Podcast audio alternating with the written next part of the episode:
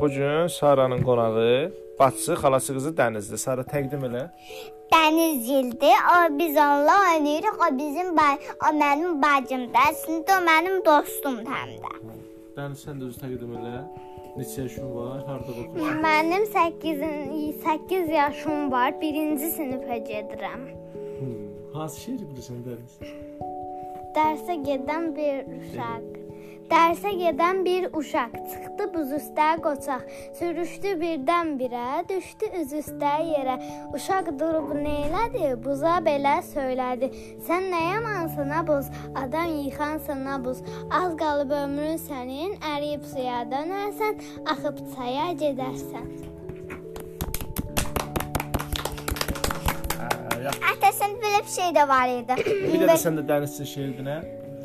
E, şiir nə bilirəm. E, Yo, yoldaşına bir uşaq söylədi güzgüyə bax. Kirlidir yanaqların, əllərin, barmaqların, al bu sabun, bu da su, əl üzünü təmizlə, kir tutmasın dərini, təmizlə dişlərini. Uşaq eşitdi bunu, tez götürdü sabunu, yuyundu təmiz, təmiz oldu kirsiz, ləkəsiz.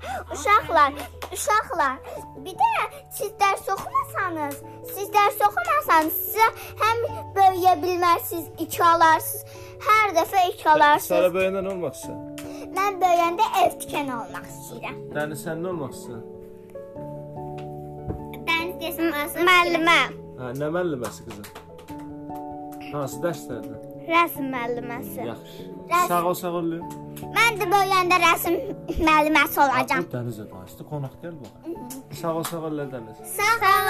Sağ ol. Ol. Yuvası da danışdırır da.